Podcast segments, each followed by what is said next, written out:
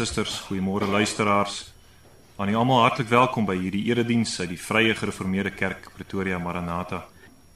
Hierdie gemeente met 330 lidmate bestaan sedert Julie 1997 en vorm deel van die verband van die Vrye Gereformeerde Kerke in Suid-Afrika. Die teks vir vanoggend se preek is die woorde van die Here Jesus in Markus 11 vers 14 en vers 22. Kom ons bely nou eers dat ons hulp in die naam van die Here is deur saam te sing uit Psalm 121 vers 1.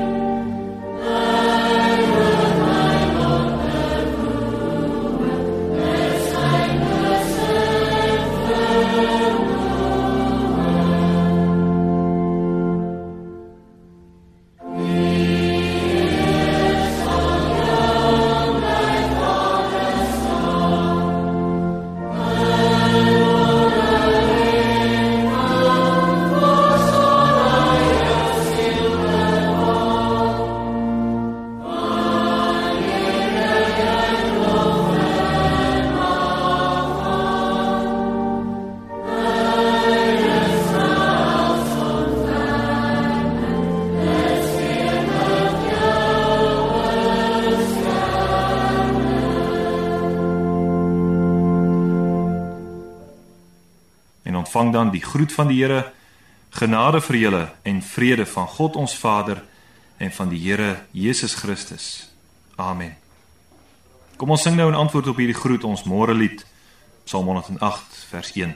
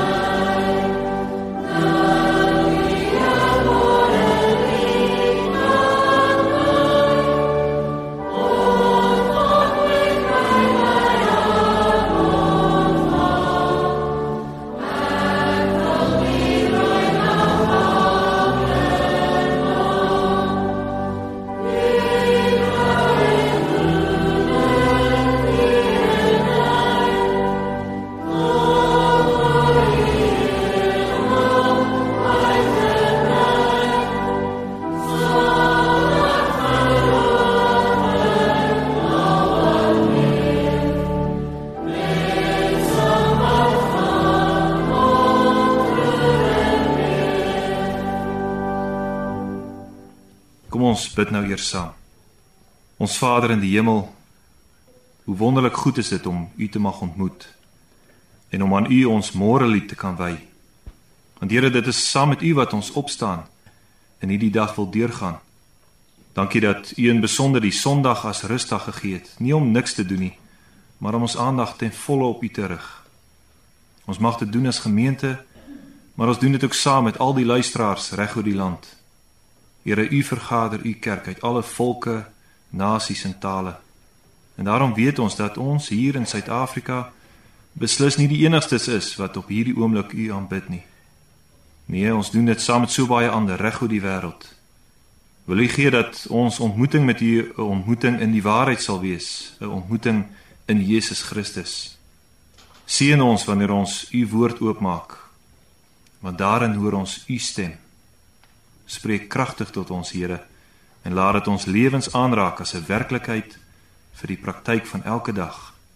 Skenk U Heilige Gees aan ons, hy wat Here is en lewend maak. Ons bid dit in Christus se naam en uit genade. Amen. Die skriflesing vir die verkondiging van die woord kom vanmôre uit die evangelie volgens Markus hoofstuk 11 vers 1 tot 26. En kom ons lees hierdie gedeelte saam. Markus 11 vanaf vers 1. En toe hulle naby Jerusalem kom, by Betfage en Betanië aan die Olyfberg, stuur hy twee van sy disippels uit en sê vir hulle: "Gaan na daardie dorp reg voor julle. En dadelik as julle daar inkom, sal julle 'n eselsvul vind wat vasgemaak is, waar geen mens op gesit het nie. Maak hom los en bring hom." En as iemand vir julle sê: "Waarom doen julle dit?" moet julle antwoord: "Die Here het hom nodig." En dadelik sal hy hom hierheen stuur. En hulle het gegaan en die vul by die deur buite op die straat vasgemaak gevind en hom losgemaak. Daarop sê sommige van die wat daar staan vir hulle: "Wat maak julle dat julle die vul losmaak?" En hulle antwoord hulle soos Jesus beveel het. Toe laat hulle hul begaan. En hulle het die vul na Jesus gebring en hulle klere daarop gelê en hy het daarop gaan sit. Toe gooi baie mense hulle klere op die pad oop en ander kap takke van die bome af en strooi dit op die pad. En die wat voorgeloop en die wat gevolg het, het uitgeroep en gesê: "Hosanna, geseënd is hy wat kom in die naam van die Here. Geseënd is die koninkryk wat kom in die naam van die Here, die koninkryk van ons vader Dawid. Hosanna in die hoogste hemele." En Jesus het in Jerusalem gekom en in die tempel.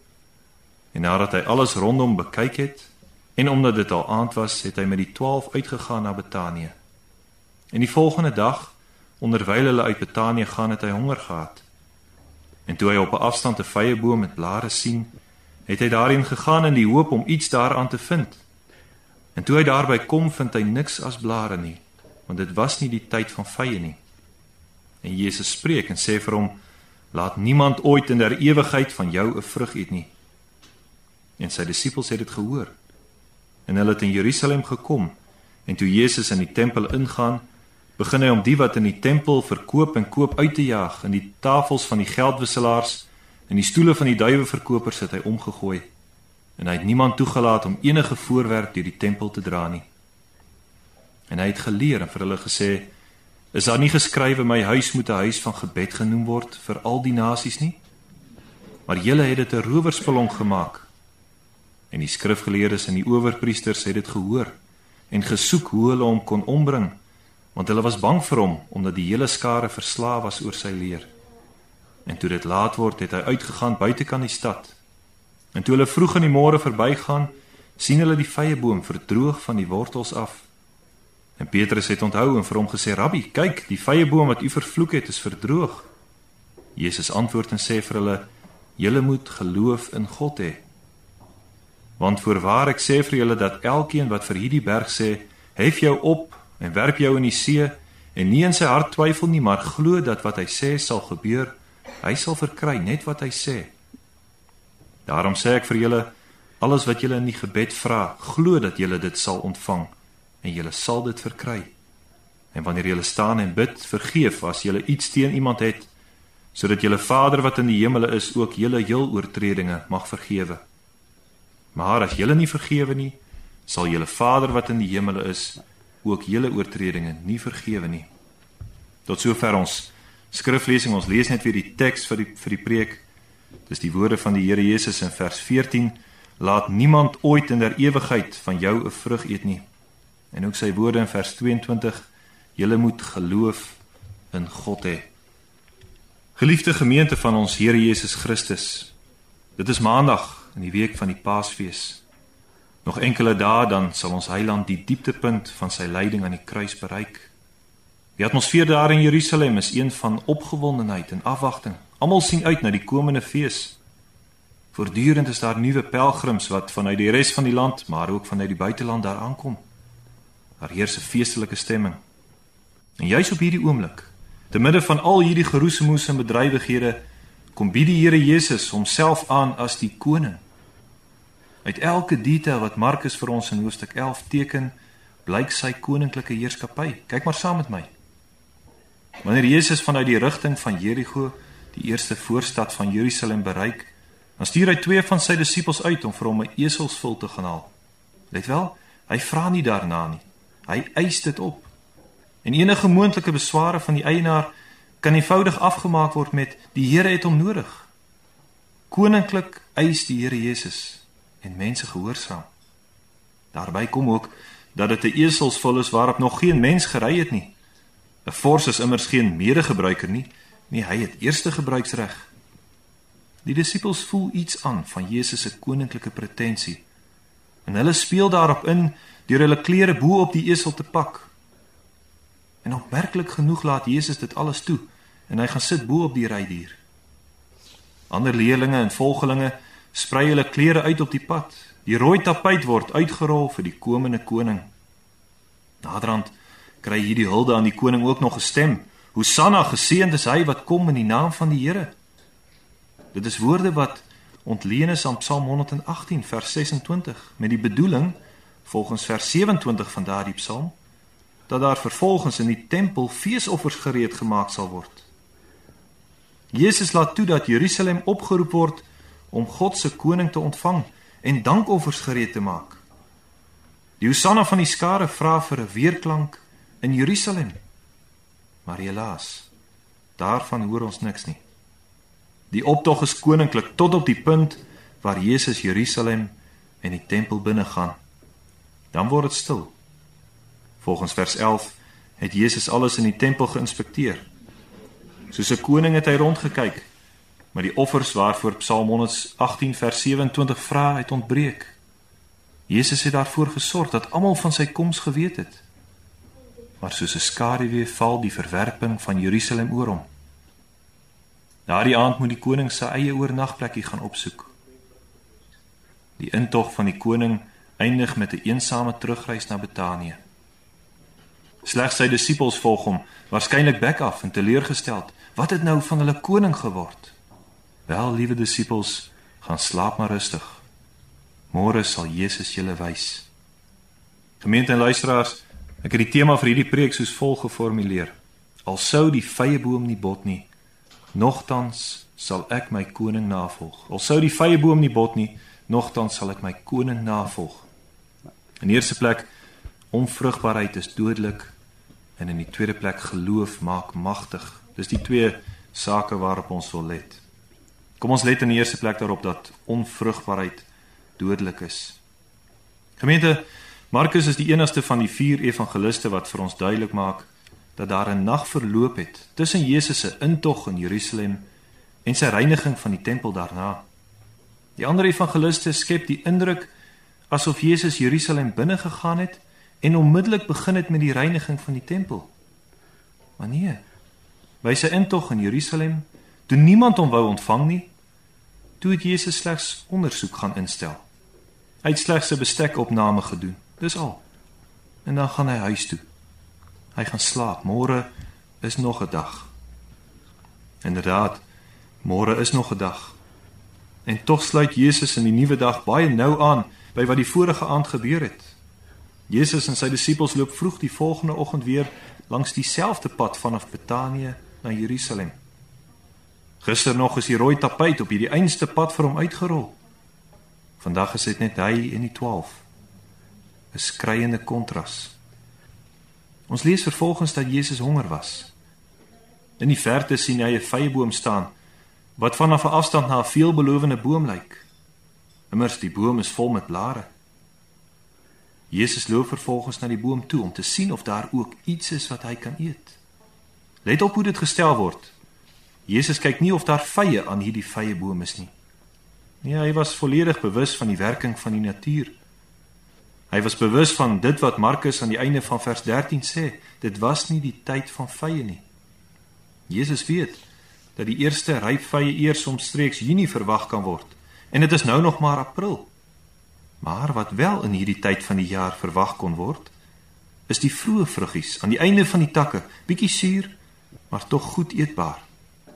En hierdie vroeë vye kon 'n mens nie sommer vanaf 'n afstand met die blote oog sien nie. En daarvoor moes jy by die boom gaan staan en die takke deeglik bekyk. En dit is dan ook presies wat Jesus doen. Hy is honger. Hy stap na die veelbelovende boom, hy ondersoek dit, hy soek na iets. Na daardie klein vroeë vruggies om sy honger daarmee te stil. Maar hy vind net blare.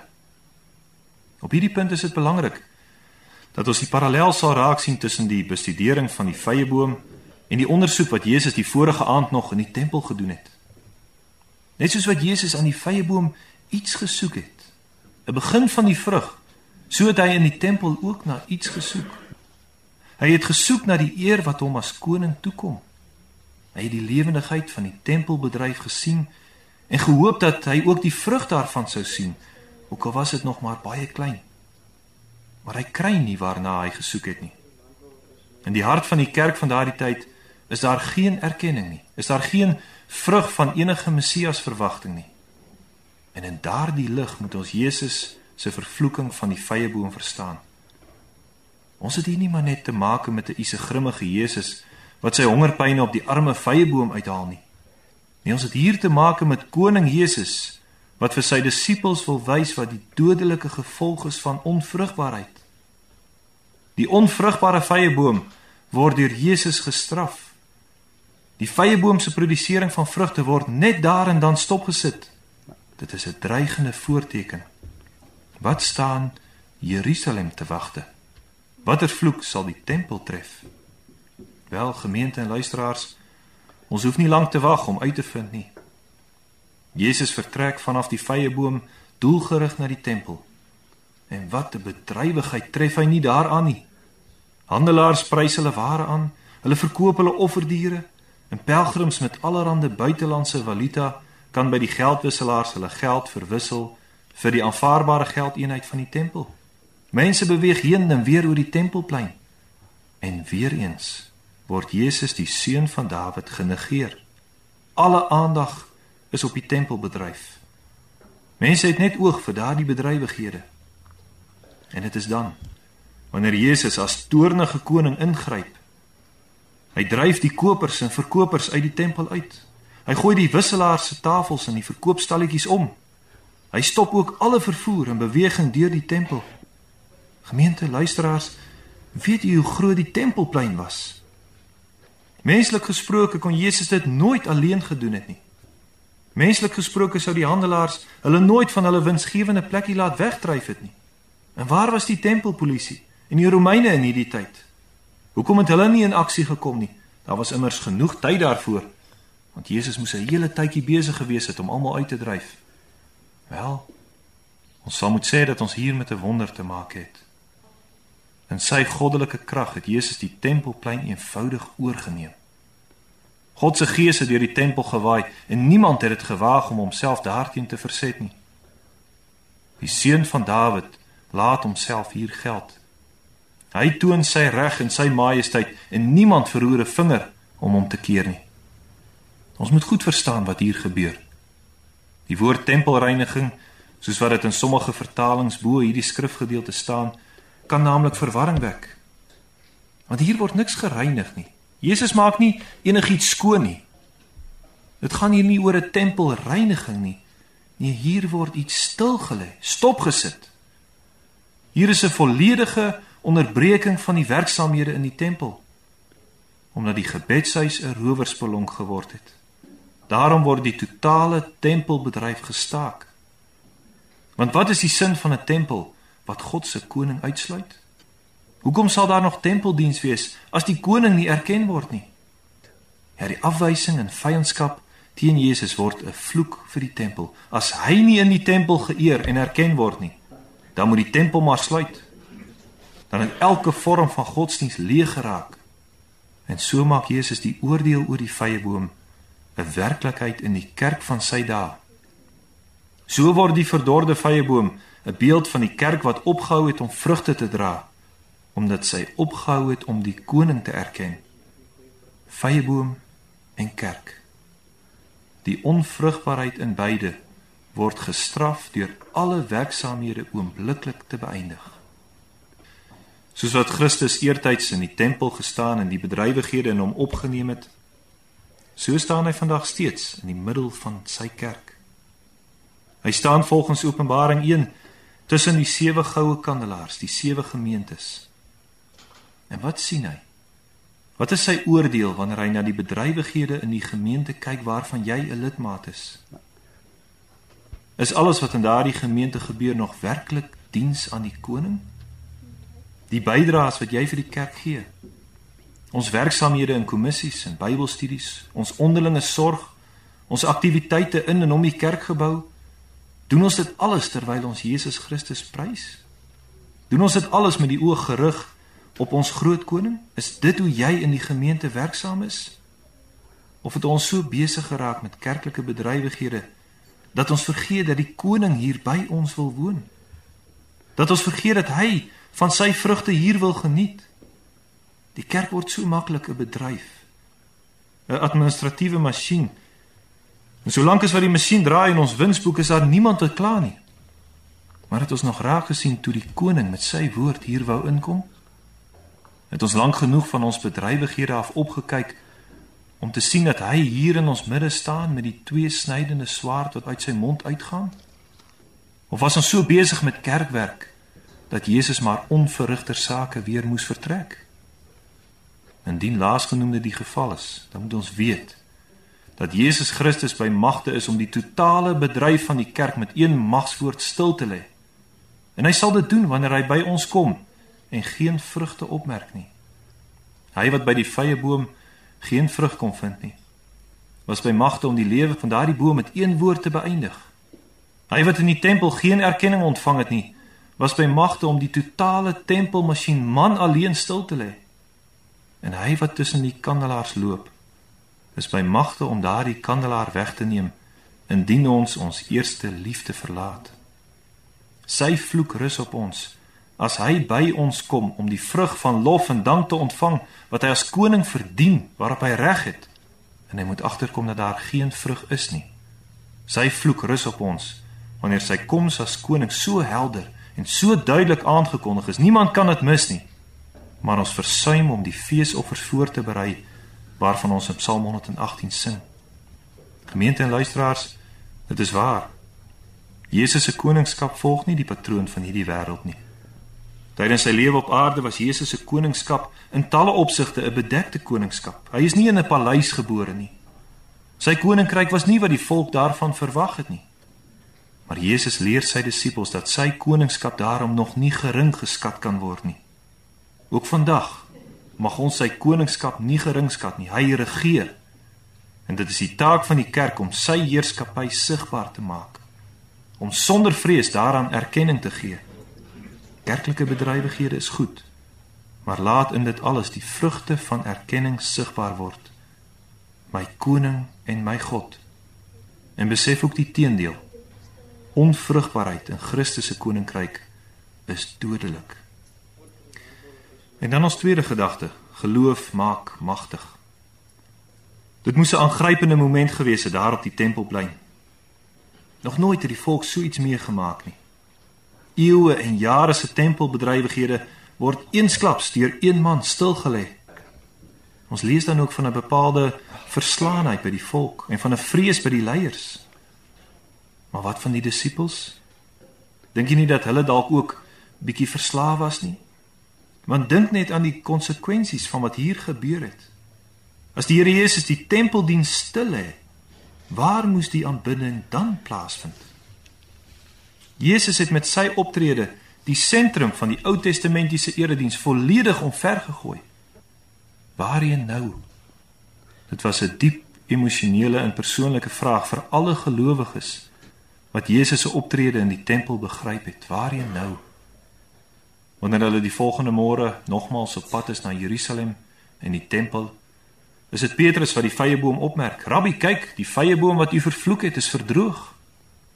En dis op hierdie oomblik dat Jesus sy disippels positief verder begelei in die ware godsdiens, terwyl die tempeldiens op 'n dooie spoor beland het, eenvoudig omdat hulle Jesus as koning verwerp het.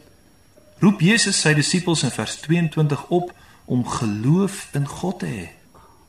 Want as hulle geloof in God het, dan staan hulle op 'n lewende en 'n kragtige spoor. Hulle het immers gesien wat 'n krag daar van Jesus se woord uitgegaan het. Die dooie vyeboom is die bewys daarvan. Hulle het gesien dat sy woord werk en krag het want God staan aan sy kant. En daarom roep Jesus sy disippels op: glo in God, want dan staan hier dieselfde goddelike almag ook tot julle beskikking. Deur die geloof kan selfs die mees onwaarskynlike 'n werklikheid word. Geloof in God en in sy seun die koning maak mense magtig. Dit bemagtig mense. Dan is dit selfs moontlik vir die leerlinge om vir hierdie berg die olyfberg waarop hulle gestaan het, te sê: "Hef jou op en werp jou in die see." En dis presies wat sal gebeur. Want die verbindingslyn met die goddelike kragbron loop nie via die geuite tempelbedrywighede nie. Nie die verbindingslyn met die goddelike kragbron loop via die gelowige gebed in Christus se naam. Alles wat jy in die gebed vra, glo dat jy dit sal ontvang en jy sal dit verkry. Vers 24.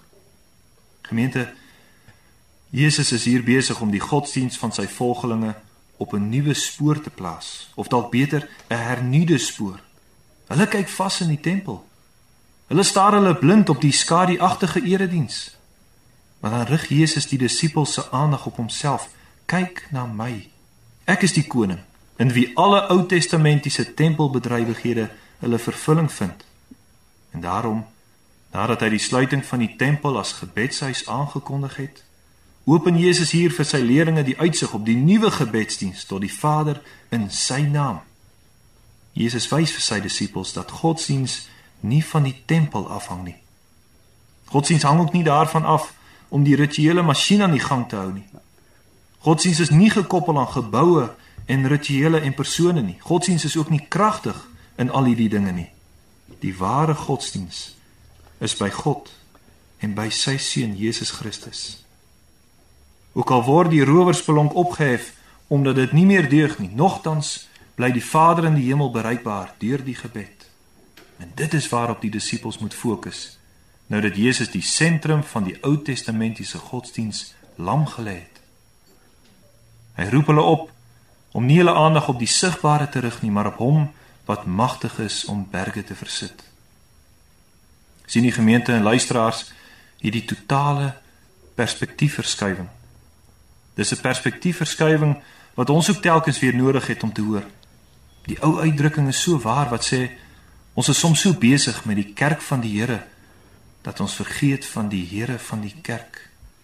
Ons is soms so besig om te fokus op die aktiwiteite en bedrywighede hier in die kerk. Ons vergader en ons organiseer, ons hardloop in ons karre rond. Maar let op die nuwe spoor waarop Jesus sy disippels en ons plaas. Fokus op my. Ek is koning. Ek is die Here van die kerk. En wanneer ons hierdie fokus reg kry, wanneer ons ons oog werklik rig op Jesus Christus, dan sal die kerk van self tot sy reg kom.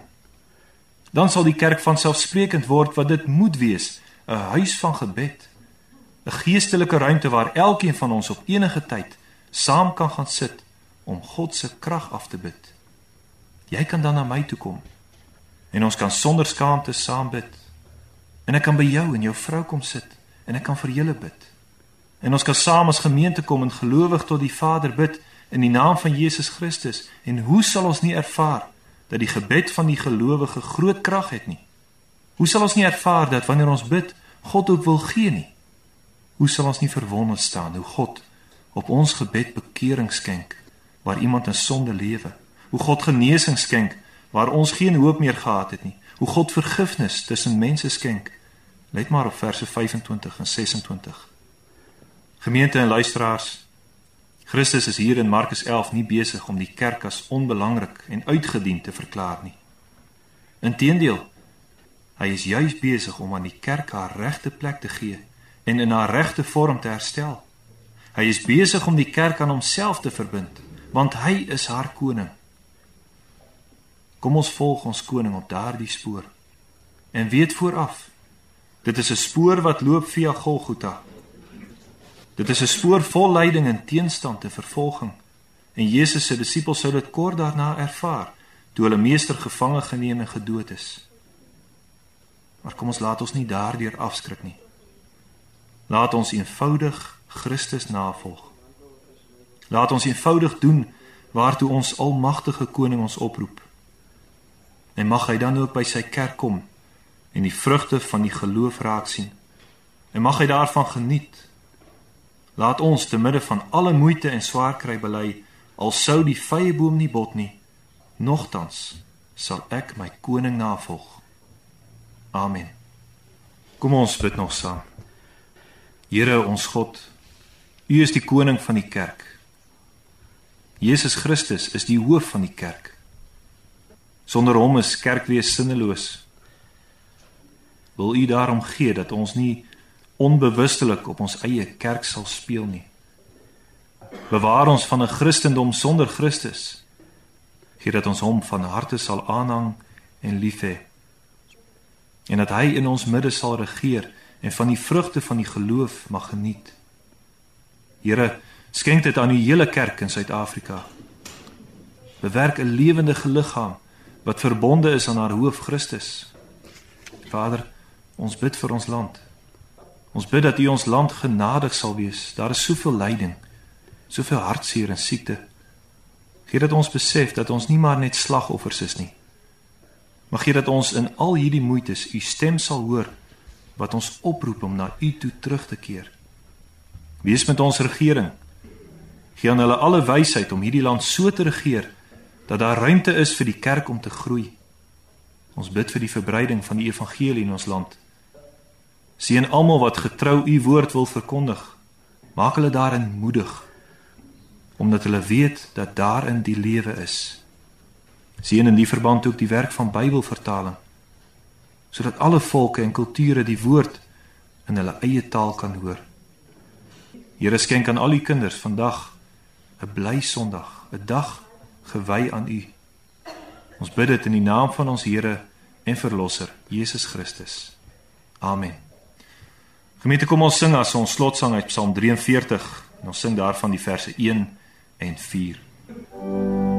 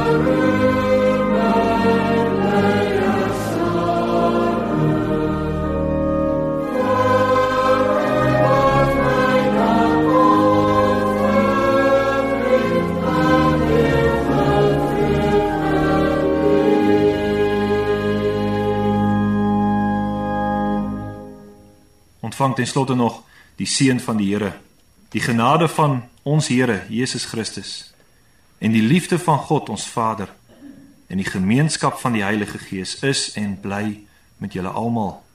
Amen.